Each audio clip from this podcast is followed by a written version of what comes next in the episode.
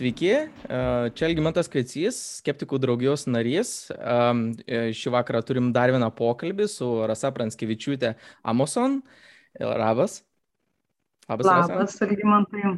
Ir šiandien pakalbėsim apie tokį reiškinį, apie tokį procesą kaip sekularizacija Ir Rasa yra tikrai specialistas religijų studijų Lietuvoje ir, manau, turės įdomių įžvalgų ir papasakos apie sekularizaciją kaip procesą, to istoriją, kokias tai implikacijas turi mūsų kasdieniniam gyvenime. Ir aš manau, kad skeptikų draugiai tai turėtų būti itin įdomu.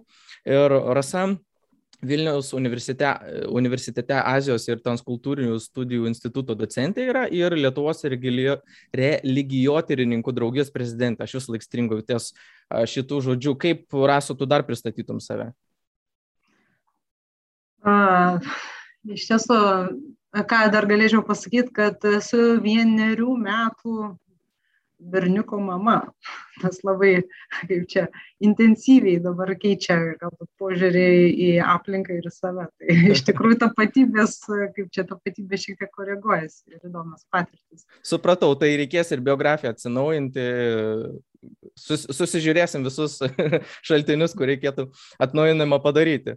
E, gal aš pradėsiu nuo tokio gal asmeniško šiek tiek klausimo, bet man visada tikrai įdomu, kadangi jūs tikrai turit daug patirties religijų studijose ir visada klausiu savo pašnekovų, kas atvedė jūs į šitą sritį, kas, kas jūs ten, nežinau, su, sujaudina, ko jūs ten ieškote, kokie jūsų ten interesai yra toj, toj srityje. Taip, ačiū Elgimantai už klausimą, tokį gerą įvadinę, apšildantį. E, tai e, gal, gal tokį kažkuria prasme ir nuobodi istorija. Na kaip, ta prasme nuobodi, kad ji gana tipinė. E, iš pradžio turbūt žmogus domisi apskritai mokslu, tam tikrą discipliną, e, kurią studijuoja. Ir tiesiog viena ar kita tema tampa įdomi. Ir jis rašo bakalauro darbo, magistro darbo, disertaciją ir taip toliau. Tai iš tiesų buvo e, filos, aš studijau bakalauro studijas filosofiją ir antropologiją kaip gretutinį dalyką. Ir po to aš įstojau į antropologiją, etnologiją, tiesiog turėjau tokias temas, kurios man buvo įdomios. E, viena tokia galbūt su Lietuvos, Lietuvoje esančiais kultūrinis reiškinys, o kita buvo tiesiog per vasaros atostogas buvau sutikus uh, tokius gana įdomius žmonės ir, ir ten, ten tiesiog paminėjo, kad štai važiuoja vasarą į tokią, į, kaip į, į Rusiją, į, į Sibirą ir ten tokia labai įdomi bendruomenė yra draugai. Ir aš pasižiūrėjau internete ir man ten labai gana tartinai viskas atrodė. Ir pastudijavus filosofiją, tai tiesiog daug tokių kaip ir teiginių, atrodė gana tokie e, logiškai, kaip čia prieštaraujantis vieni kitiems ir iš tikrųjų daug klausimų kilo. Tai mhm. ir ten, e, ten buvo religinė bendruomenė, nu, religingumo kaip ir toks judėjimas. Mhm. Ir aš e, antrą temą tokią pasiūliau e, savo būsimai darbo vadovai ir ji paminėjo, kad pirma, pirmos, kaip čia pirmos tematikos e, reiškiniai, jie yra tirti ir nieko galbūt, na, galbūt ten vienas ar kitas tyrimas bus atliktas, gali magistro, magistro darbą parašyti, bet štai uh, naujieji religiniai judėjimai, jie Lietuvoje visai netirti yra. Ir iš tiesų būtų įdomu, ir aktualu ir, ir netgi kaip čia profesinė prasme, jeigu žiūrėtų apie ateitį, aišku, tuo metu gal labai negalvojai, bet tiesiog perspektyvu tyrinėti tą tai aš e, rašiau e, bakalauro, e, atsiprašau, magistro darbą iš tos bendruomenės, teko nuvykti į ją, tai didžiausia pasaulio ekologinė bendruomenė, bet ji tokiais kaip ir dvasingumo na, pagrindais, kaip ir statoma, formuojama. Ir po to stojau doktorantūrą ir tiesiog išplėčiau, išplėčiau temą, tai tiesiog buvo šiuolaikinių tokių kaip ir religingumo, dvasingumo na, e, na, tenden, tendencijos šiuolaikinės po komunistinėje visuomenėje.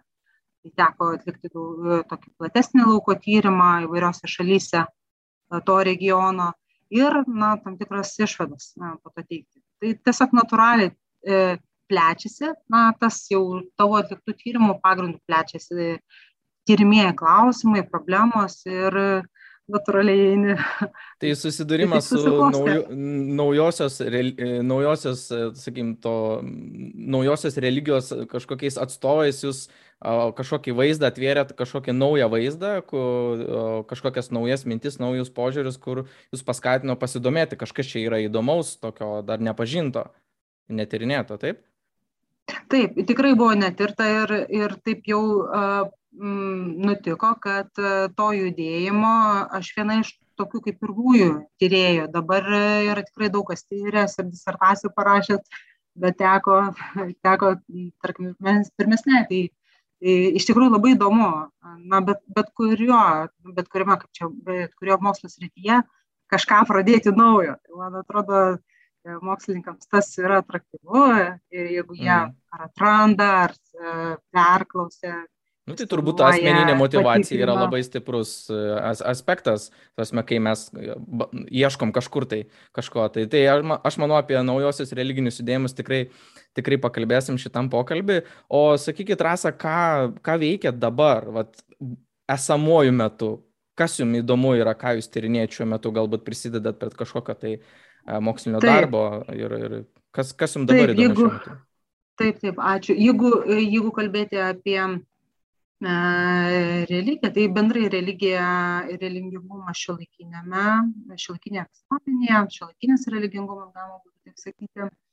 Ir šiuo metu gana yra įdomus tyrimai tų alternatyvių ar čia religinių mažumų e, e, gyvenimo sovietiniu laikotarpiu. Tai prastai tiems tyrimams reikalingi ir archyvai, na, tyrimai, archy, archyviniai tyrimai, KGB, mhm. tarkime, archyvose. Tai a, tikrai a, gana patraukia irgi.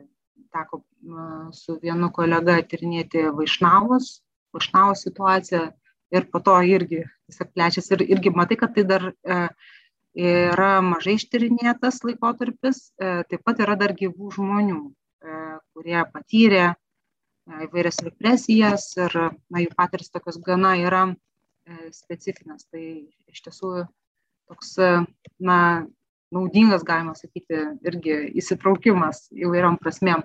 Ir įdomus Lietuvoje vykstantis procesas yra šiuo metu E, dvi religinės bendruomenės, kurios e, siekia įgyti e, pripažintos religijos na, valstybės pripažinimo, dabar lietuviškai nes visą laiką. Romuva, Romuva ir?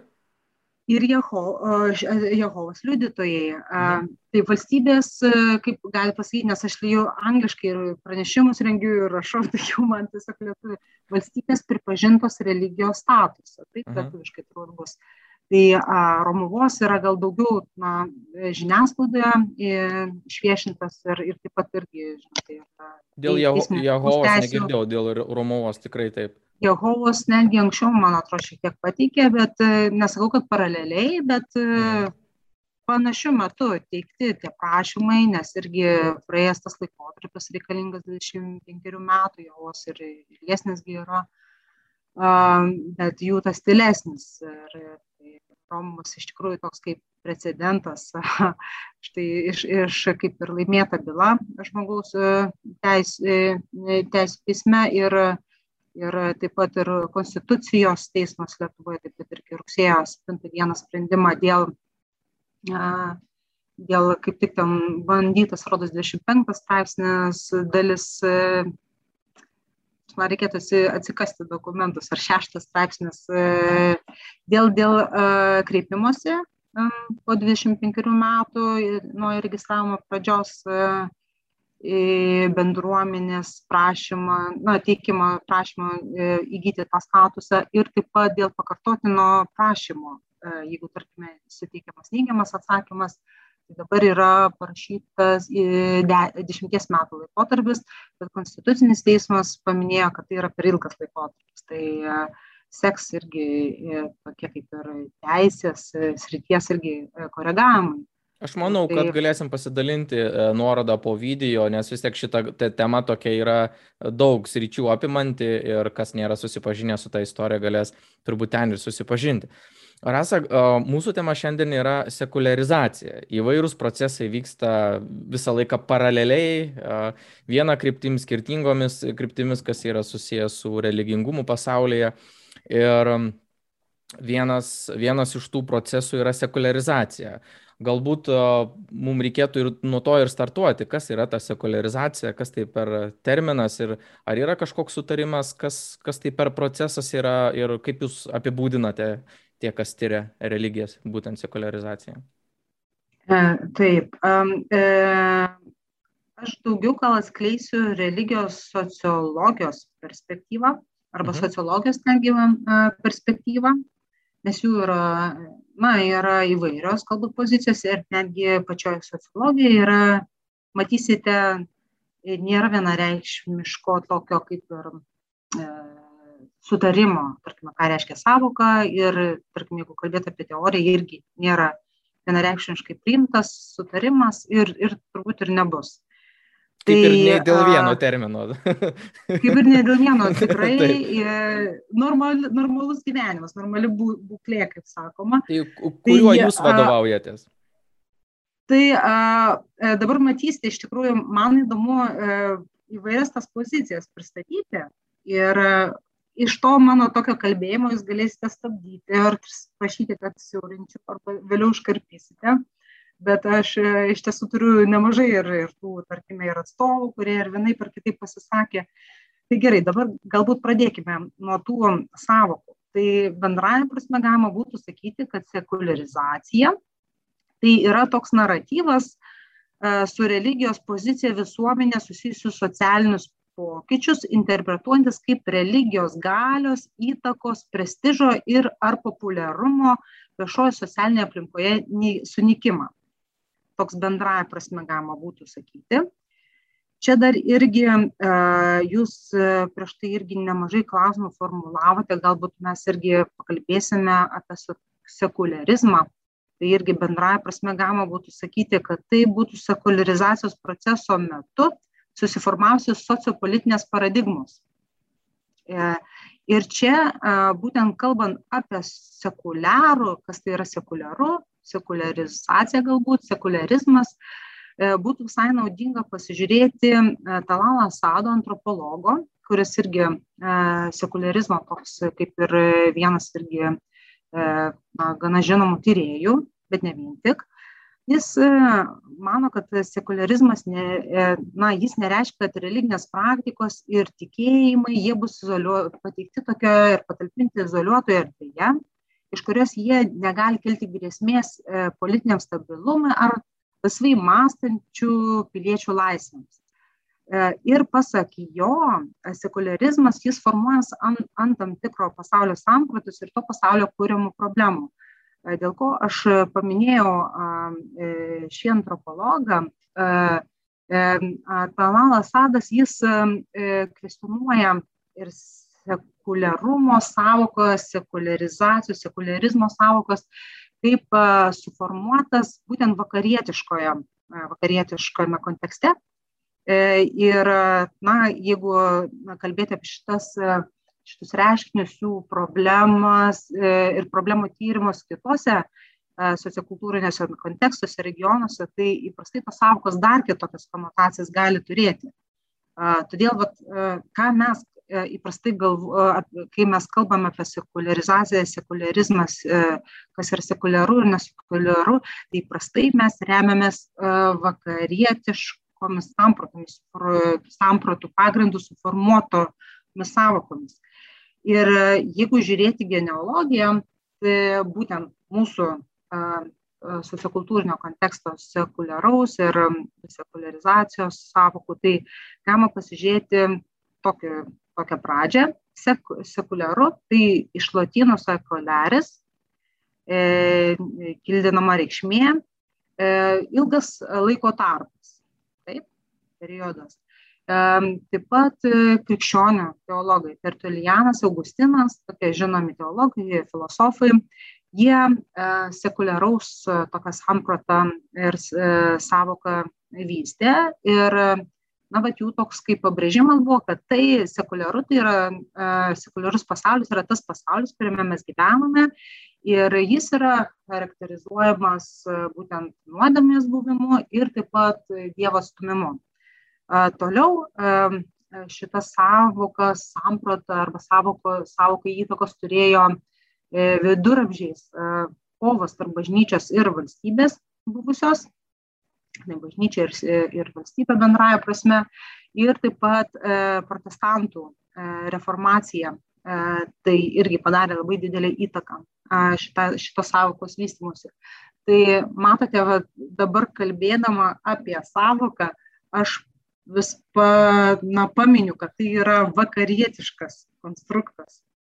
E, bent jau kilmė ir e, bent jau kaip mes įpratę E, vartoti ir, ir na, e, sąsajų yra nemažai su vakarų kultūra ir su krikščionybė. Tai, e, jeigu Taip. Nu, bet tą terminą, ta prasme, jūs pirmąją formuluotę, kurią paminėjote apie religingumo sunikimą, apie religijos įtakos mažėjimą, apie atskirimą didesnį nuo valstybės, kaip jūs sakėt, tos to jo įvaizdžio, sakykime, tokio teigiamo galbūt sunikimą, turbūt tą terminą, jis vis tiek dabar yra plačiai naudojamas, nes aš dabartiniam kontekste, jūs paminėjote tarsi įvairius kontekstus, turbūt ir taip ir ta raida ir kito, iš kokios pozicijos turbūt, uh, iš kokios pozicijos tas terminas yra naudojamas ir kaip jį norima apibriežti. Bet uh, ar jūs dabartinėme kontekste matote kažkokius uh, kitus, uh, ar tai jau yra nusistovėję turbūt, nes aš, kaip jūs paminėjote, nelabai, nelabai yra sugirdėjęs iš tikrųjų, tai taip ir naudojama, man atrodo, yra dažniausiai? Mm, ne, nelabai girdėjote, galbūt, na, priklausytų. Tai čia aš, aš kaip minėjau, sociologijos daugiau perspektyvą pristatysiu ir ne dabar, mhm. tarkime, dabartinė dar apie savoką galėsiu sakyti ir po to dabartinėje, tarkime, irgi kaip jį traktuojama, arba, na, ta pati teorija, kuri gana garsi buvo e, tam tikrų laikų. E, bet priklausytų, tarkime, jeigu būtų insight pozicija teologijos atstovų, nes matėte irgi čia, tarkime, ta krikščionybė ir mhm. kita, tai tokia kaip ir emociniai, taip emociniai įkelti tokie niuansai. Tarkim, nu, taip, iš pozicijos. Ne, kartais ta pozicija taip, kalba per taip. termino apibriežti, tai suprantama. Taip, taip. taip. Bet, bet su kilme, kaip sakoma, kilmė susijusi e, iš ištakos. Tai a, jeigu žiūrėti, vėlgi grįžti prie savokos, tai sociologiją pirmą kartą pavartojo Maksas Weberis. Jis kalbėjo apie religijos ir modernybės santyki ir, na, modernybės laikotarpiu religija, religija galbūt kaip čia irsta arba reikšmė ir, ir e, mažėja, a, na tai ten irgi gana sudėtingi jo paaiškinimai. Ir pati sekularizacijos paradigma ir, ir būtent tas religijos ir modernybės sąsaja taip plačiau e, tyrinėtos pradėti 20 amžiaus antroje pusėje mhm. E, sociologijoje. Ir, kaip minėjau, e, vieningo apibrėžimo sekularizacijos teorijos e, nėra ir turbūt nebus. Na, vienas. Tai vieno, nesitikėkim, vien... ne, ne, nesitikėkim, vieningo niekada, vieningo niekada neturim. Rasa, gal, gal mes galim tada pereiti į, į tokį sekantį, sekančią iš to kylančią temą ir aš paminėsiu keletą uh, keletą šalių, galbūt tai e, patikslins klausimą, aš nesenai irgi tokią konferenciją e, klausiau ir ten būtent Klausimas yra pačios sekularizacijos kaip proceso istorija ir kaip jį kildinama iš tam tikrų procesų, sakykime, ir tam tikrų reiškinių, judėjimų, galbūt ir ideologinių judėjimų. Ir visada yra minimos tarsi tos šalis - USA, Turkija, Prancūzija, Indija, Kinija, Lenkija. Dažnai yra minimos tame kontekste, kaip po e, skirtingų sekularizacijos procesų, sakykim, perėjusios labai iš skirtingų tų taškų jų raida skirtinga. Tai galbūt jum dar, nežinau, kaip jūs norėtumėt prieiti prie to klausimo, aš labai dažnai girdžiu būtent va, tą ploštą šalių būtent per tą procesą, kai aiškina, kaip istoriškai jis yra. Kaip jūs, sakykime, kokius tus aiškiausius taškus galėtumėt sudėlioti sekularizacijos istorijos tam procese? Istoriją, tai, mm, na, kaip ir dabar, lyg, e, gal reikėtų pasitikslinti, nes e, tą pačią genealogiją šiek tiek, ne, paminėjau, e, tos savokos. Ir kaip paminėjau taip pat, kad sekularizacija irgi susijusi su modernybės procesais, tai tikrai galėčiau, na, tarkime, ten apšvietos laikotarpis, bet na, ir, ir, ir anksčiau paminėti na, tie, tie e, krikščionių, a, tarkime, krikščionių, e, sa, krikščionybės santykis, bažnyčios, minėjau, ir, ir, ir valstybės santykis, a, ar jų kovos. Tai, na, tokį kaip ir, e, paminėjau, ne, nežinau, ką čia dabar sakyti, nes jūs kalbate apie istoriją ir po to jūs paminėjote valstybės.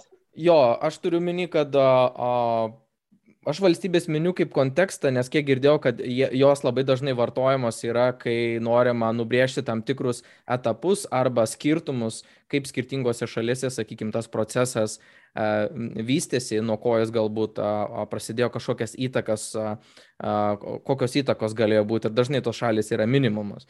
Tai ar jūs taip žiūrite sakykime, sekularizmo istoriją, ar žiūrite per tam tikrus va, tokius taškus, kaip po apšvietos laikotarpį, sakykime, viduramžių ten valstybės ir, ir, ir bažnyčios prieš priešą? Čia aš minėjau, e, iš pradžių minėjau savokos kaip ir genealogija, e, na tarkime, jeigu kilmė, nes, e, kaip supratau, kad buvo tas įdomu. E, kitas klausimas jūsų susijęs su su sekularizmu. Tai a, būtent a, religijos ir a, galbūt ir politikos a, ir, ir valstybės, galbūt a, kažkokiu tai interakcijų E, susidėliojimas e, būtent sekularizacijos proceso pasiekmėje. Tai e, dabar bet įdomu, kas jums būtų aktualu, tarkime, ar ta pati sekularizacija, ar sekularizmas. Sekularizacija būtent, nes, nu, kaip, kaip mhm. tai atsispindi tada, sakykime, tuose pokyčiuose, um, mhm. su, su, jeigu iš sociologinės pusės. Mm. Gerai, aš galėčiau dar tarkime, kalbėti apie 20-ojo amžiaus antrą pusę, kur mhm. a, tiesiog tuo metu pradėjo labai, na, e, iš tikrųjų tokie intensyvūs sekularizacijos tyrimai, būtent tos teorijos kaip ir formavimas. Ir, ir tai, vėlgi, kaip minėjau, tai yra pasaulis moderniojo laikotarpiu. Galima kalbėti ir apie tas šalis, kurias jūs paminėjote, e, bet na, sekularizacijos paveiktos yra visos šalis tai a, gali būti na, tos jūsų išskirtos šalis, bet ne vien tik jos, iš tikrųjų, taip, taip, taip, taip. galima įvairias paminėti, jos iš tikrųjų na, vieną ar kitą religijos ir bažnyčios santykio modelį e, kaip ir reprezentuojančios. Tai tų tokių santykių yra vairių ir priklauso nuo laiko tarpio, e, nuo pačios, tarkime, e, kas yra e, galios pozicijose tuomet valstybėje arba to pačio bažnyčio. Bažnyčia, aš kalbu bendrąją prasme, e, nors ir vėlgi tą krikščionišką backgroundą, kai e, paminėjau, tai vis tiek gali būti ir šiek tiek su krikščionybė susijęta, e, nes tarkime Indijoje šiek tiek kitokios konotacijos, pačios sekularizacijos būtų. Tai a, gerai, jeigu dar grįžtume prie sekularizacijos, tai e, įvairios tos pozicijos. Pavyzdžiui, E, viena pozicija, kad sekularizacija galėtų būti kaip laipsniškas, tačiau visiškas religijos išnykimas. Kiti minė, kad a, tai būtų religijos išstumimas iš socialinio gyvenimo ir, to, ir, ir to išstumimo procesas. Treti e, mini kal, e, siūlo kalbėti ne apie sekularizaciją, bet religijos skaitą. Ir čia būtų tokie autoriai, a, gana žinomi sociologijoje.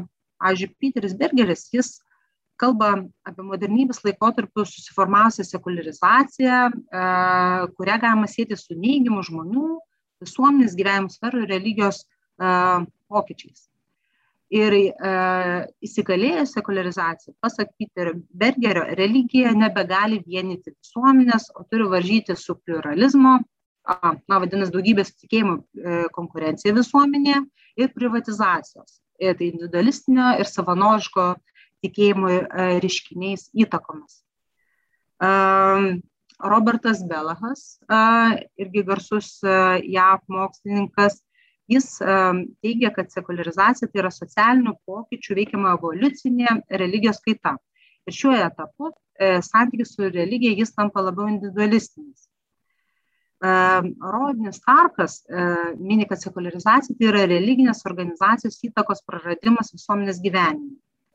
Brian Wilsonas, jis mano, kad sekularizacijos pasiekmė mažiau laiko, energijos ir resursų skiriama transcendentinės tikrovės reikalams, o specifinė religinė sąmonė jį palaipsniui, palaipsniui tampa empirinė, racionali ir instrumentinė.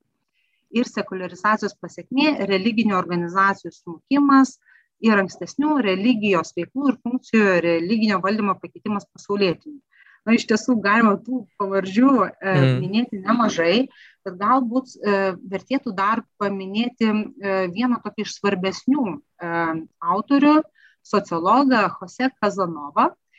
Jis e, išskyrė e, 94 metais, e, kalbėdamas apie e, religiją viešojo erdvėje, jis išskyrė tris e, sekularizacijos sferas. Ir minėjo, kad įmanoma sekularizacija kaip diferenciacija, sekuliarių sferų diferenciacija ir ji gali būti suprantama kaip emancipacija nuo religinių institucijų ir normų. Tai čia būtų paprastai tariant bažnyčios atskirimas nuo valstybės. Bažnyčia jau ji tampa ne valstybės dalis. Tai va čia toks, tarkime, diferenciacijos sfera, sekularizacija diferen, diferenciacijos sferoje. Ir, na ir pavyzdžiui, galima matyti tokius pavyzdžius ir jūs galite irgi prisiminti, tarkime, ligoninės ar universitetai, jie įprastai buvo įsteigti bažnyčios. Taip?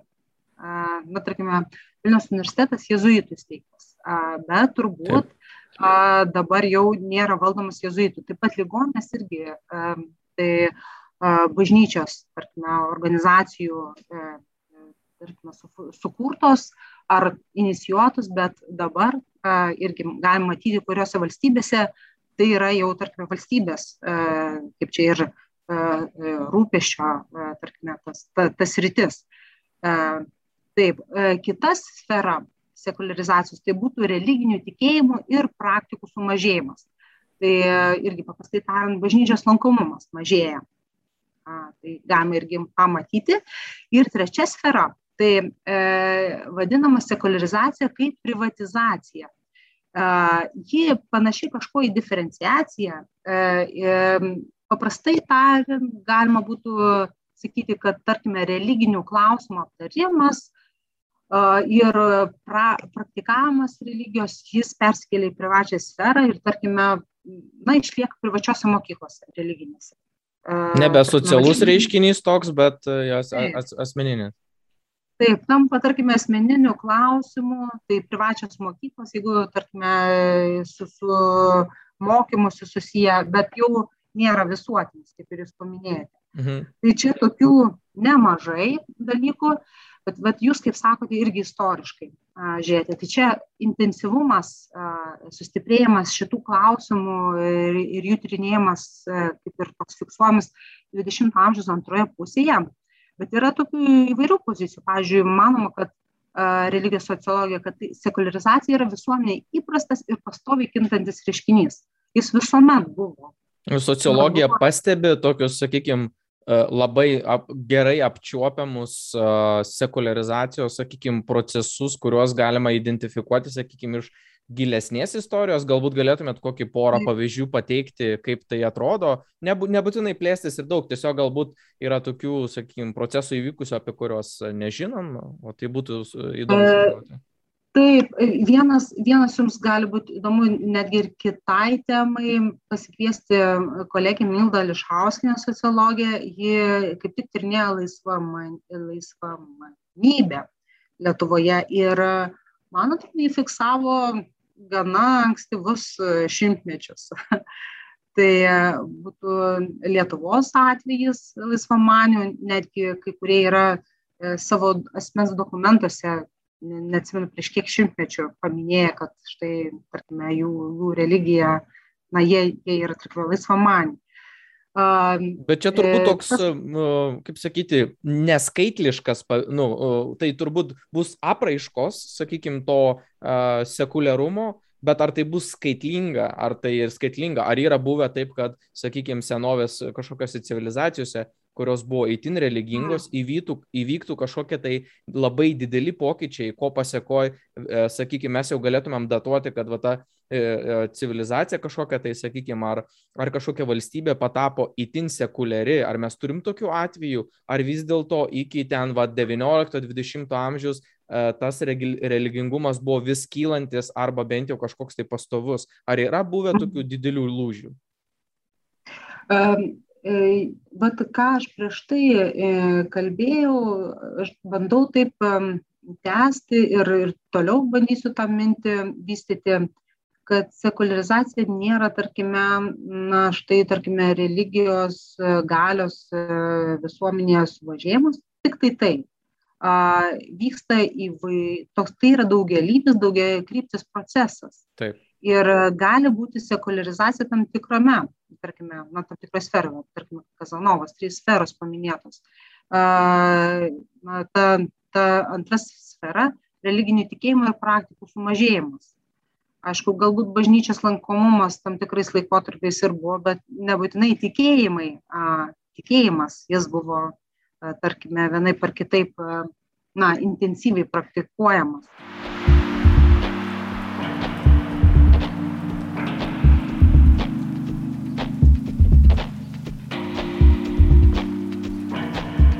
Galbūt rasa tada pasukim į, į kitą kryptį būtent dėl tų, nes jeigu mes pakalbėjom apie tą patį terminą, sakykim, ką tai reiškia, a, a, kaip tai yra apibrėžiama a, e, ir visada E, kadangi tai yra procesas, turbūt visada yra įdomu, kas tą procesą įtakoja. Kokie pagrindiniai veiksmai, tam tikri tie lūžiai socialiniai, a, a, kurie įtakoja būtent to proceso kažkokias tai, nu, tą, ne, nebūtinai pradžią, bet, sakykime, jį stiprina ar jį silpnina. E, kokie tie procesai vykstantis e, ir, sakykime, pagrindiniai tokie, kurie galėtų įtakoti. Pavyzdžiui, vat, apšvietos laikotarpį, sakykime, galbūt buvo vienas irgi iš tokių laikotarpių, kuris e, bent jau kalbama yra, kad galėjo akceleruoti tam tikrose regionuose, tam tikrose šalyse šitą procesą. Kokie dar tos įtakos, kuris, kurios tą sekularizaciją vienaip kitaip įtakoja šitą procesą? Na, kaip ir minėjau, modernybė. Grinai tai yra tiesiog tai buvo paminėta modernybės įtaka religijai ir su visu to susijusios pasiekmes, bet iš tikrųjų tas dalykas jau yra, kaip čia, jis jau yra kvestinuotas ir yra jau paneigta dėl tos pačios dėl įtakos, ar tarkime, kad modernybė ardo religiją tai, Patikslinkit, labai, į, į, į, į, jūs sakot, paneigta, labai, labai įdomu, ta prasme, čia kažkoks tai įdomus turėtų būti požiūrio, požiūrio taškas, gal praplėskit šitą vietą. Taip, tai būtent tas teiginys, kad modernybė ir modernizacija ardo religiją, tai jau jis, kaip ir minėjau, gana stipriai užginčytas, gana, gana jau kurį laiką. Ir čia galėtų būti pavyzdžiai, jeigu taip žiūrėti pasaulinio mastu, po šaltojo karo vykę e,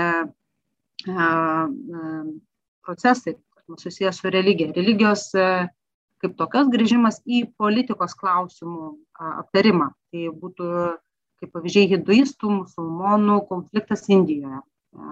Na, žinai, mhm. kai Indija ir Pakistanas susiformavo, taip pat konservatyviosios krikščionybės JAV iškilimas, Daesh islamo valstybės Sirijoje, Irake, musulmonų rohinių Mienmarė persikėjimas, taip pat ir budistų sankos persikėjimas, įskaitant ir šią bendruomenę.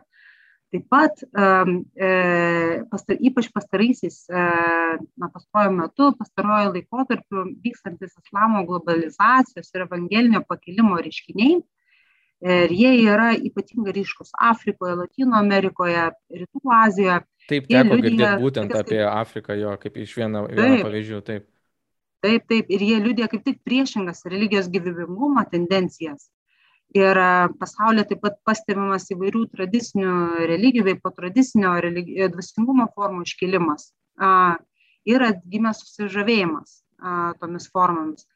Ir e, būtent šie reiškiniai skatina tokias naujas modernumo ir religijos sąsajų, nu, naujus tokius tyrimus. Naujieji religiniai judėjimai, turbūt čia toks raktažodis, kuris dabar jau yra tokia kasdienybė, turbūt religijotyrininkų visiška, turbūt, ar, ar, ar aš taip gerai, gerai iš, išskaitau, kad būtent ta, tie naujieji religiniai judėjimai arba senųjų, sakykime, tų tradicinių religinių judėjimų adaptacijos tam tikros, samplaikos su kitais religiniais judėjimais turi tam tikrą tą mm, ant, antrą kvepavimą, jeigu galima taip į, e, galima sakyti, išvelgti ypač tose, mm, va, ypač Afrikoje taip.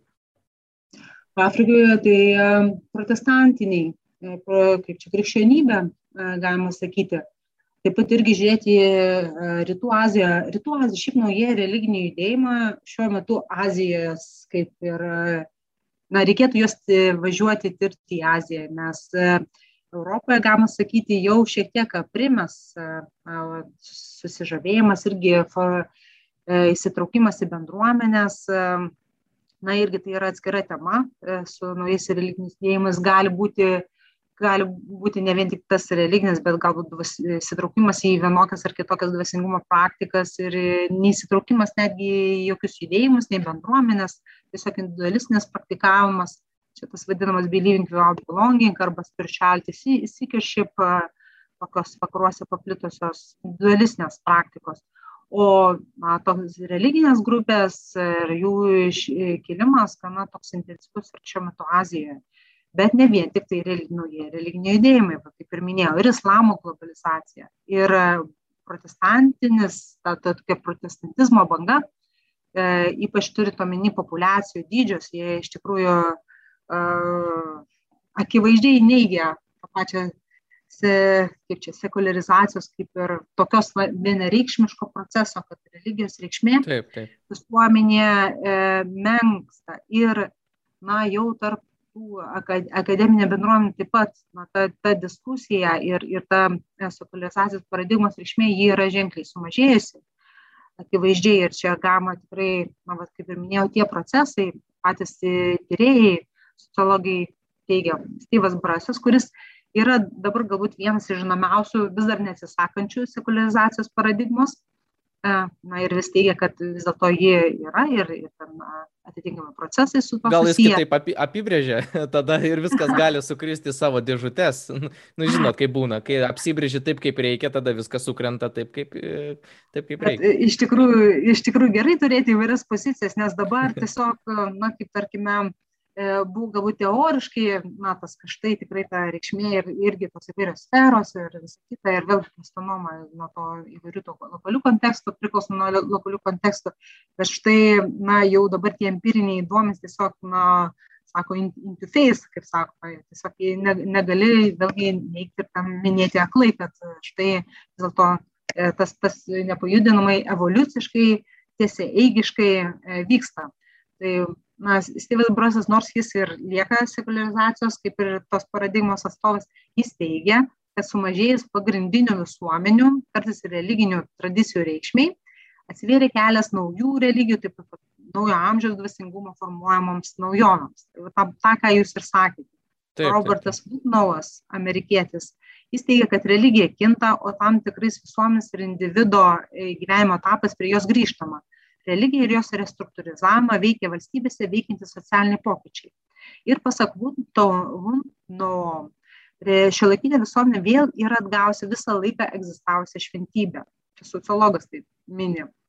Ir naujosios paradigmos atstovai jie teigia, kad religija nepasibaigė, o tiesiog atsiranda naujų religijų, kadangi tradicinės religijos neskiria dėmesio savo nariams. E, čia daugiau vakaruose vykstantis, mhm. na, vakarų pasaulyje vykstantis e, procesas. Tad modernių laikų racionalumą keičia religijos ir dvasingumo praktikų poreikis. Taip iškyla neretai dominuojančiam religingumui oponuojančios alternatyvios religingumo formos. Ir apibūdindami šio laikinio pasaulinio mastu paplitusi religingumą, tyrinėtojai vartoja tokius te terminus. E, desekularizacija, deprivatizacija, čia Kazanovos 94 metais labai garsus e, terminas, religijos atgimimas, Ir apibūdinant religinę situaciją jau kalbama apie religinės individualizacijos procesą, kai anksčiau dominavusių bažnyčių oficialius religinius modelius keičia privatus tikėjimas. E, dar irgi, čia jau susijęs su ta konferencija mūsų minima, e, religijos sugrįžimas, jis kaip ir atrodo kaip sekularizacijos teorijos paneigimas, būtent tie visi empiriniai faktai ir čia kalbant apie sekuliarizacijos teoriją galima paminėti džonataną foksą e, gana tokį žymų politikos mokslo atstovą e, kuris gana e, yra įtakingas kalbėdamas na, būtent kalbose apie sekuliarizaciją. Jis mano, kad šiandien yra tokia situacija, kurią galima būtų pavadinti, angliškai pasakysiu, it's not either or no. Nėra taip, kad turime tik sekuliarias visuomenės ar tik religinės visuomenės čia vat jo yra tokia mintis. Ir, ne pati giliausia būtent... mintis, ne, ne pati giliausia mintis pasakyčiau, nes atrodo, nu tikrai taip ir atrodo, ta prasme, kad į, įvairiuose kontinentuose ir šalyse tie vektoriai eina labai skirtingomis kryptimis ir kas be ko, kaip tu apsibrieši, tu gali galbūt įvardinti vienaip ar kitaip, kad ten, sakykime, Afrika tampa labiau religinga, galbūt skandinavai mažiau religingi tampa, arba ten naujai religiniai judėjimai atsiranda, Afrikoje ten sulik e, tradicinių religijų įsigalėjimų naujai religiniai judėjimai smunka, netenka savo pozicijų ir taip toliau. Tai to, tos tendencijos yra uh, tikrai matomos. Ir jūs tikrai paminėjote, sakykim, tas tokias gal trumpai tas tarptautinės galbūt tendencijas globalių mastų, o kokios tendencijos Lietuvoje?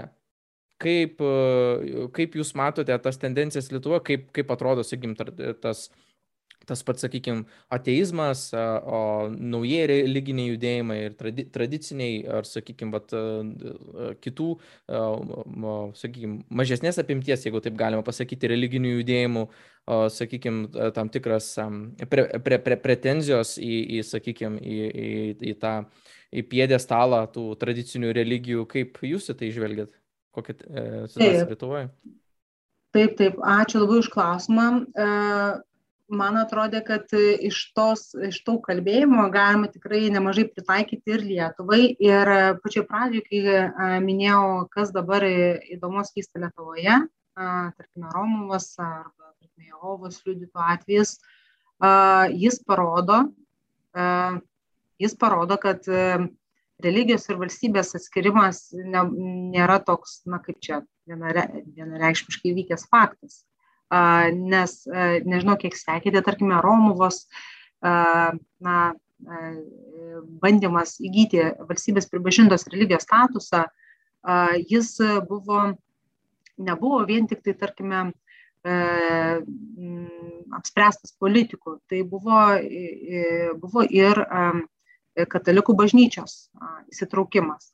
Tai tampa tam tikra, na, tarkime, štai politinis procesas, bet įsitraukia ir, tarkime, religijos e, atstovai. Tai, e, e, na, pasirodo, kad religiniai klausimai gana aktualūs Lietuvoje įvairiais, ne, įvairiais, tarkime, akcentais. Galbūt tai yra maž, mažų grupelių atstovams įdomios temos, bet mhm. šiaip gali fiksuoti iš tiesų. Jeigu domiesi, tai gali fiksuoti. Štai kodėl, kodėl tai tapo labai svarbu, kodėl e, nepavyko tiesiog e, suteikti tą statusą, nes e, štai pagal statymus e, visi tie reikalaujami uždaviniai, tie aspektai buvo na, įgyvendinti. Tai kodėl tapo tai emocingas čia, procesas? Na, tai Tai visiškai to.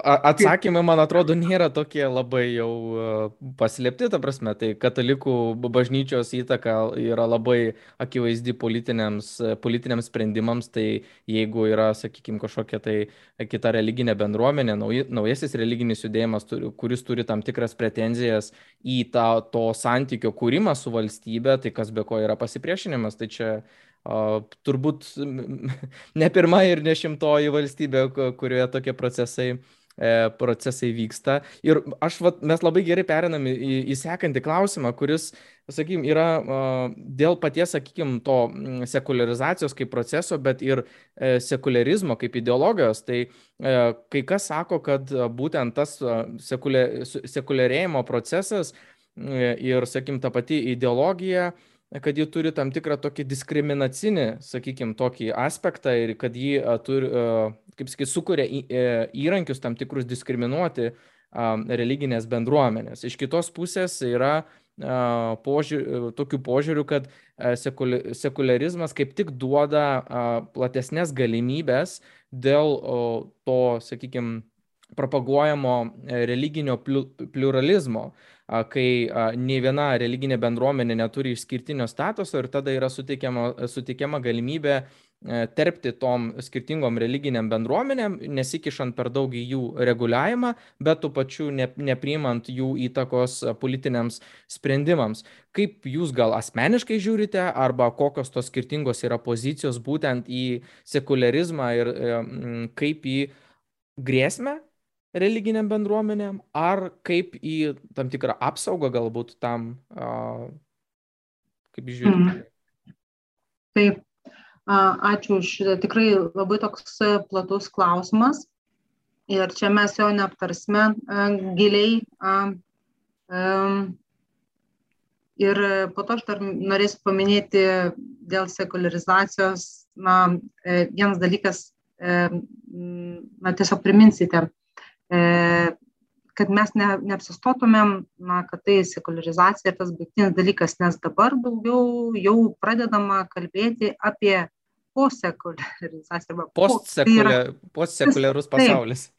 Postsecular, e, angliškai, lietuviškai dar vis galvoju, kaip čia sakyti, posekuliaru ar posekularizacija, ne, dar to, tas nėra tokio išvestinio, bet tai, kas yra posekuliaru ar postsekuliaru, tai na, na, tiesiog tai atrodo, kad kažkokie nauji, tokie įdomus dalykai susijęs su tuo, ką ir paminėjau, kad na, tiesiog tas sugyvėjimas ir sugyvėjimas ir matomumas religijos viešoje erdvėje gana, gana, gana ryškus. Tai jeigu žiūrėti, na, vat, matėme, kad sekularizacijos teorija tokia nėra vienareikšmiškai sutartinai apibriešta, tai lygiai taip pat ir sekularizmas na, ir sekularizmo valstybė proceso, politinės bažnyčios ir valstybės atskirimo ideologijos irgi, jos irgi nereikėtų laikyti tokia kaip uždara forma, Taip, taip, taip. O ir vertinimas kaip... ne vienareikšmiškas turbūt. Taip. taip, visiškai. Ir tai yra tokia interpretuojama savoka ir jos sampratą galima koreguoti būtent pagal konkrečios šalies įstatymus, politinės aplinkybės ir visuomenės e, tendencijas, vystimas tendencijas. Tai tiesiog vėlgi reikėtų žiūrėti konkretų atvejį e, ir konkrečiame laike. Nes e, tai, kas, tarkime, na, pažiūrėjau, su Indija 47, 1947, tuo metu, kai, tarkime, įsteigta ir, na, e, nors, tarkime, tai e, e, hinduistinė, na, tarkime, jeigu religija, didžiausia religija hinduizmas, bet buvo, na, kaip ir skaitos, kaip ir sekuliari e, valstybė įsteigta. Ir, e, ir buvo e, paminėta, e, ir, na, su tikslu tokiu, kad kiekviena religija, kiekvienos religijos atstovas galėtų laisvai reikšti savo tikėjimą, praktikuoti, taip pat na, įvairios religijos galėtų būti bendra, bendrabuvis, tam tikras būtų įmanomas Indijoje prieš tai aišku įvykę ir Indijos ir Pakistano konfliktas, na, musulmonai įsitraukė irgi tai religinių pagrindų konfliktas įvykęs, bet lyg atrodė, kad, na, įmanoma, tarkime, tokioj, multireliginėje, multietninėje, daugia, daugia religinėje, daugia etninėje visuomenėje tam tikrą, e, na, e, tam tikrą bendrabuvio formą e, turėti, bet matome, kad šiandieną E, kyla tokių kaip ir e, iššūkių. Modi, tarkime, ta hindutva e, tikrovė šiek tiek, na, na kaip čia daro musulmonų gyvenimą tokį nesaugų, nors ir atrodo įstatymai turėtų apsaugoti. Tai na, ta tikrovė gali irgi e, ne visada, tarkim, gali kisti. Tai dar e, irgi įdomu, kaip tie įstatymai, ar jie pasikeis ar ne, nes, nes lyg įstatyminė bazė neapsaugo šiuo metu esančių religinių mažumų, kurios nėra tokios mažos. Indija pati, na, hinduistų yra virš 80 procentų Mhm. Tai čia milijardas, o musulmonų, pavyzdžiui, 150 milijonų. 50 milijonų. Tai e, iš tokios mažumos, tarkime, e, nesaugi, nesaugi būklėjai irgi įvairių ženklų, kaip čia pamastymų teikia. Tai jeigu, jeigu grįžti taip prie bendro tokio, bet, na, kad tai yra priklauso nuo konkrečios šalies, na, ta pati irgi sekularizmas ir samprata, taisyklės na, šalies įstatymų, politinių aplinkybių ir e, vis, visuomeninės būklės, tai mes galėtumėm, na, tarkime, irgi turėti pavyzdį e, moters galvos apdangalų dėvėjimus viešoje erdvėje Europoje. Taip? E, Prancūzija e, žinome, kad moksleiviam buvo uždrausta dėvėti musulmoniškus apdangalus mokyklose. Ir tai buvo laikoma tokiu iššaukiančiu religiniu simboliu. Tuo tarpu Vokietijoje moksleiviai, jie galėjo dėvėti galvos apdangalus, tačiau mokytojai negalėjo. O Didžiojo Britanijoje mokyklos galėjo apsispręsti šio klausimo individualiai. Tai matot, tas pas klausimas e, sekuliarioje valstybėje, va, būtent čia jau su sekularizmu susijęs klausimas, ir jo sprendimas na, buvo įvairus. Tai va, šis pavyzdys jis atskleidžia sekularizmo ideologijos paslankumą politinėme šalies kontekste, kai reikia atsižvelgti į valstybės ir religijos santykio modelį. Ir jūsų paminėti Lenkijos, Indijos, Turkijos, e, Prancūzija. Ja, ja. Prancūzija. Taip, Prancūzija jau gal, galima sakyti klasikinis atvejis, nes būtent, e, būtent jos, e, jos e, pavyzdžiui irgi tas galbūt čia galbūt toks kaip pavyzdinis sekuliarizmo e, e, ideologijos, e, na, kaip, kaip galima būtų sekularizmą, religiją ir valstybę ir, ir, ir bažnyčią atskirti ir kaip galima būtų komunikuoti, arba na, tiesiog Prancūzija pirm, viena iš pirmųjų pabandė įgyvendinti šitą na, modelį. Tai čia tokie du pagrindiniai tikslai buvo ir Prancūzijos, ir kitų valstybių, na, kurios bando e, sekularizmo ideologiją įgyvendinti. Vienas tikslas yra išlaikyti neutralumą viešosiuose institucijose. Ir tas neutralumas jis suprantamas kaip visų religijos formų lygybės išlaikymas, visos religijos uh, lygios. Ir, o kitas tikslas yra maksimalios religinės laisvės užtikrinimas. Tai matote šitie abu principai yra bet sprendimai yra įvairūs. Ir minėtos valstybės jos laikomos moderniomis ir atsižvelgiant į vykdomą politiką religijos atžvilgių ir e, pritaikius skirtingą tos pačios religinės diferenciacijos lygiai šalis gali pasirinkti visiškai skirtingus būdus e, siekdamas užtikrinti šios tikslus. E, Bet ir kaip minėjau, Prancūzija, e, garsioji Prancūzijos revoliucija, e, jos, e, na, skelbta trejybės idėja, ji ir e, galima būti laikomas sekularizmo idėjos kaip ir pamatas. Tai čia tie trys pagrindiniai reikalavimai - laisvė reikalavimas ir ji yra orientuota į religinę laisvę išpažinti savo tikėjimą E, arba nepasirinkti tikėjimą, arba pasirinkti netikėjimą, pavyzdžiui, lygybę. E, ji turi užtikrinti lygybę tarp skirtingų tikėjimų ir konfesijų asmenų. E, vadinasi, jokia religija ar jokios religinės idėjas negali būti privilegijuojamos ar paverčiamos oficialių valstybės požiūrių ir brolybė. Tai remtis brolybės principų, religingų šeimų balsų įtrau, į, na, tie balsai yra įtraukiami į valstybės politinio identiteto formavimą ir į kitus svarbius valstybės procesus. Tai... Ar aš, Rasa, gerai girdžiu, kad Prancūzijos atvejais, sakykime, kalbant apie tą tokį nu, tradicinį supratimą sekularizacijos kaip ir proceso ir uh, sekularizmo kaip po ideologijos įgyvendinimo Prancūzija yra toks kaip vadovėlinis atvejis. Ar aš gerai suprantu? E, ji galbūt viena iš pirmųjų, nes tarkime revoliucija 1795, e, atsiprašau, 89, e, čia kita data svarbiau buvo, ir atskirimas, bažnyčios ir valstybės atskirimas įvyko 1905 metais. būtent remintis re, revoliucijos kaip ir idėjomis išvystytos, tai jau tiesiog tas oficialus atskirimas, bet matote, va tie sprendimai Prancūzijos, tarkime, ir Vokietijoje bažnyčia ir valstybė atskirto. Ir Britanijoje, Britanija galbūt yra dar kitas modelis, arba tarkim lietuvoje nėra irgi bažnyčia ir valstybė atskirta, bet, na, tarkime, vieni ar kiti sprendimai, tarkime, tų principų vienas. Jūs kalbate, yra ir nėra atskirta, tai čia apie kokią plotmę jūs turite omeny įstatymę, prasme, taip, įstatymiškai? Taip. Taip. Na, apie ką mes galim kalbėti? Įstatymų lygmenyje yra atskirta, o tikrovėje, na, matai, kad yra bandymai laviruoti, vėlgi yra ir, ir grupės, ir religinės grupės interesai, taip pat valstybė irgi a, turi tam tikrą, irgi tam tikrą situaciją, visuomenė yra irgi tam tikrame, čia nesakau, kad išsivystimo lygmenė, tiesiog tam tikra būklė visuomenės a, yra ir pagal tai a, vyksta, vyksta kažkokie derinimaisi ar sprendimai. Tai čia tiesiog bandai bendrai pakalbėti. Bet aišku, e, Prancūzija e, buvo viena iš tų pirmųjų, kuri e, suformavo tokį kaip ir principą sekularizmo.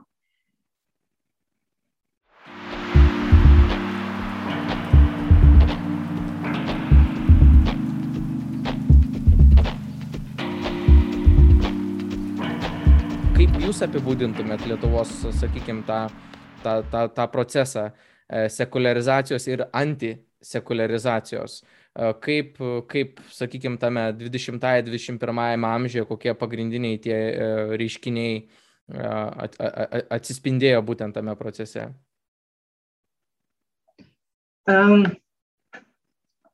Na, mes, aišku, turėjome privartinę sekularizacija tai irgi e, dažnai ir sociologai paminė komunistinio, komunistinės valstybės, komunistinį regioną kaip irgi tam tikrą specifiką turinčius. Um, tai galbūt šitas turėjo įtakos. Um, po to uh, įvykę irgi, na, įvairūs sprendimai irgi turėjo turėjo įtakos irgi kokia tra, tradiciškai religija ar bažnyčia dominuojanti yra valstybė, ar yra dominavimas ar nėra.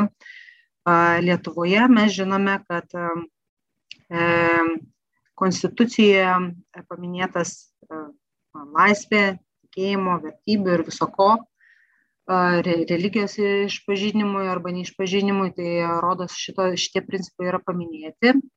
Taip pat buvo, e, rodos, 92, tiesiog man dabar reikėtų failą įsikelti, jeigu minėti garsiai datas ir failas yra kitam kompiuteryje, tai aš taip negalėsiu konkrečiai susakyti. Data 90X, sakykim, taip.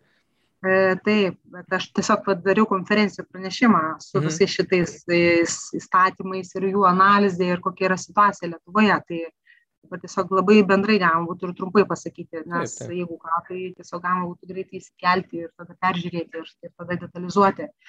Tai a, religinių bendryjų įstatymas. A, na ir jame buvo įskirti e, trys tokie, taip, konstitucijoje nėra paminėta, kad yra valstybinė religija ir a, e, lik ir užfiksuota, ir ne lik, bet yra užfiksuotas religijos ir bažnyčios ir valstybės atskirimas bet štai religinių bendrijų įstatymas apie 90-uosius ar 91 ar antrais jis buvo suformuotas, o gal 95-ais, jame jau yra išskirti trys tokie statusai religinio, religinių bendruomenių, bendryjų buvimo. Tai yra skirtos devynios tradicinės religijos, kurios jau turi tam tikrą statusą, na, didžiausias privilegijas, po to kita grupė yra e, valstybės pripažinimą gavusios religijos bendruomenės ir po to kitos, trečia grupė registruotos, kitos religinės bendruomenės. Tai priklausomai nuo to statuso irgi priklauso ir situacija tų, tų bendruomenių. O tai matote, kad O sutartis su Vatikanu e, pasirašyta, ja, čia turbūt irgi taip. vienas yra iš tokių o, kertinių o, taškų, kurie turėjo tam tikrą įtaką o, šią temą. Ja. Na, kad, kad jį pasirašyta, tai aš manau, be įvairiose šalyse, kuriuose yra katalikų bažnyčia, ta sutartis e, yra pasirašoma netgi, na, žinau, čia Latvijos atveju jūs galėtumėt e, pasidomėti, yra toks įdomus e, e, projektas Aurel. Ir jis skirtas religijos teisės ir sociologijos klausimams. Mhm. Ten yra pateikti šalių profiliai. Ir yra klausimų tokios kaip ir eilutės ir, ir na, įvairiais klausimais tiesiog irgi, na, toks irgi general overview arba teisinė situa sistema, būtent religijos valstybė irgi apžvelgiama. Tai, Labai įdomu, Rasa, esu... galėsit gal nuorodą pasidalinti po to, aš įkelsiu po, po video. Aha. Taip, ir, ir aš pamenu, tiesiog man teko rašyti apie Lietuvą ir dabar irgi gaila, kad negaliu įsikelti greitai, tada galėčiau labai detalizuotai pakalbėti, bet aš galbūt jūs iškirpsite ir jeigu ką padarysim kitą susitikimą ten, arba tiesiog imsite ir įmesite tos tekstus tai ten uh, irgi teko pasižiūrėti Latvijos situaciją. Tai jie irgi Latvijos, irgi, uh, na, tuo metu, kurie uh, turėjo tą, tą įgaliojimą, politikai, jie irgi pasirašė sutartį su Šventuoju sostu. Yra sutartis tarp valstybės atstovų ir, ir katalikų bažnyčios. Nors Latvija nėra katalikų, kaip čia, na, vis dėlto nėra katalikų dauguma Latvijoje. Vat, tai daugiau taip kažkaip labiau iš tikrųjų gali kalbėti apie a, tokias pasaulinės bendras tendencijas ir Lietuvos analizę taip a, gal irgi taip iš bendrų tokių, a, bendrų tokių kažkokių tai momentų galima pasisakyti. Supratau, tai ačiū, ačiū labai už išvalgas. Rasa, man atrodo, mūsų pokalbis jau prieartėjo prie, prie pabaigos, mes valandėlę jau, jau šitam pokalbiui išleidom. Ir ačiū Įrėmė. labai e, už, už visas išvalgas ir pasidalymą savo, savo e, atradimų šitoj, šitoj, šitoj srity. E, jūs kažką norėjote dar minėti? Taip, aš norėjau paminėti vis dėlto kad mes nepasiliktumėm ties sekularizacijos teorijos, e, kaip čia ta, ta kaip čia tikrovė, nes iš tikrųjų ta tikrovė šiek tiek, kaip sakoma, tas update'as, e, e, jis šiuo metu na, vyksta. Tai tam reikia naujo termino tada, Rasa, mes pakalbėjom apie sekularizaciją. Jeigu jūs norit uh, paminėti, kad yra dabar kitokios tendencijos, tai aš, aš, tam, aš tam turbūt pritarčiau. Pats esu domėjęs ne vieno tyrimo apie naujosius religinius judėjimus, apie įsitvirtinimą skirtingo geografijoje. Tai manau, kad uh, būtų galima galbūt ir kitam pokalbiai tą aptarti, nes tai tendencijos yra ne, ne, ne vienareikšmiškos. Gerai, Taip. prašau tai tada aš labai trumpai tiesiog irgi, na, jeigu kažkam bus įdomu, e, mhm. tai tikrai galima bus e, į kitą pokalbį padaryti gal po, ne, ne šiais metais, nes iš tiesų tik tyrimų, tokių empirinių tyrimų reikia daugiau ir vėlgi gal tų tyrimų ir užtenka, bet iš tikrųjų e, teoretizuoti, tas yra dalykas. Tai iš tiesų sekularizacijos teorija ji yra naudinga pačioje pradžioje siekiant suprasti religijos vaidmenį visuomenėje ir politikoje. Taip. Tačiau ji, na, tokia nėra, nėra, nereikėtų ją remtis, priimant tokį kaip ir esminį sekularizacijos, tokį teiktą tikėjimą, kad vyksta religijos visuotinis, net galutinis socialinis ir politinės svarbos viešojo sferoje mažėjimas. Ir, na, va tas e, šiuo metu kalbam apie religiją ir tai, kas yra posekuliaru. Ir posekuliaru tai reiškia, kad mes daugiau nesuprantame pasaulio tik iš sekuliarumo perspektyvos. Um, ir religija, religija ir tai, kas yra posekuliarus, posekuliarumo aspektai, jie, e, na, jie, jie galėtų uh, teoretizuoti tą, tą perspektyvą. Kaip mhm. minėjau, Kazanovas buvo viena, Kazanovo vienas iš pradininkų, uh, jis kalbėjo apie desekularizaciją, e, Asadas kalbėjo apie e, powers of secular modern, tai būtent sekuliarių modernybių galės ir taip pat apie daugialypės modernybės, kurios, kurios yra susijusios su religija ir, ir religijos vaidmuo labai svarbus. Ir dėl ko tokie procesai iškyla, to, na ir tų, tų to posekuliaraus aspektų paminėjimas, nes yra fiksuojamas nepasitenkinimas su sekularizacija siejamų tokių galbūt vertybių, na, vat, su sekuliarumu, su sekuliariais aspektais, sekularizacijos procesais siejamais na, įtraukumo, demokratijos, lygybės, pluralizmo vertybių įdėgymas, jis vis dėlto galbūt šiek tiek, nesakau, kad E, nepavyko, bet iš tikrųjų yra nemažai iššūkių su, su, su šių vertybių įdėgymu. Ir posekuliarios prieigos jos kelia iššūkį tradiciniam sekuliariam sustiprinti, tokiam suskirstimu tarp sekuliarių faktų, religinių tikėjimų, na, daryti visišką poziciją, tas e, to nevertėtų ir, na, e, ir kviečiama, pažiūrėjau, toks irgi vis dar, dar esantis mūsų dimensijose sociologas Jurgenas Habermasas, jis kviečia mus kalbėti apie tikėjimo tiesas ir jų svarbą irstančiai sekuliariai tvarkai. Tai galbūt galėčiau pabaigti tokiu momentu. Apie Lietuvą vėlgi galbūt galėtume irgi padaryti atskirą susitikimą, bet bendrai tokie na, aš sakyčiau, optimistiniai netgi momentai e, keliami, nepaisant tų iššūkių, e, kurie yra šiuo metu pasaulyje susijusi su sekularizacija ir su religija. Tai kas šitie optimistai šiuo atveju, nes turbūt e, čia labai priklauso nuo pozicijos, turbūt kai kai kas turbūt bus labai, labai, labai pesimistiškoje, sakykime, pozicijoje ir sakys, kad, nu dabar, kas vyksta, yra tiesiog tragedija visiška. Kai kas sakys, kad dabar iš asmen, kažkokio tai asmeninio vertimo sakys, kad vykstantis procesai yra to, ką, to, ko aš ir norėčiau. Tai turbūt gal palikim tą asmeninį vertinimą tada jau žiūrovui ir, ir kaip jis norės iš kokio to požiūrio kampo pasižiūrėti šitą į šitą e, procesą arba apmastys kažkokias naujas kategorijas ir terminus, kurie galbūt neleidžia šito proceso labai, jau, labai taip tiksliai taikyti toj postmodernybėje ir galbūt mums reikia kažkokių naujų terminų, Tai pasvarstykim, pasvarstykim apie tai. Tai Rasa, dar kartelį ačiū už pokalbį, buvo labai manu, malonu su jumis pašnekėti, labai įdomios išvalgos, aš tikrai sužinojau nemažai šio pokalbio metu, aš manau, kad mūsų auditorijai tai irgi turėjo būti įdomu.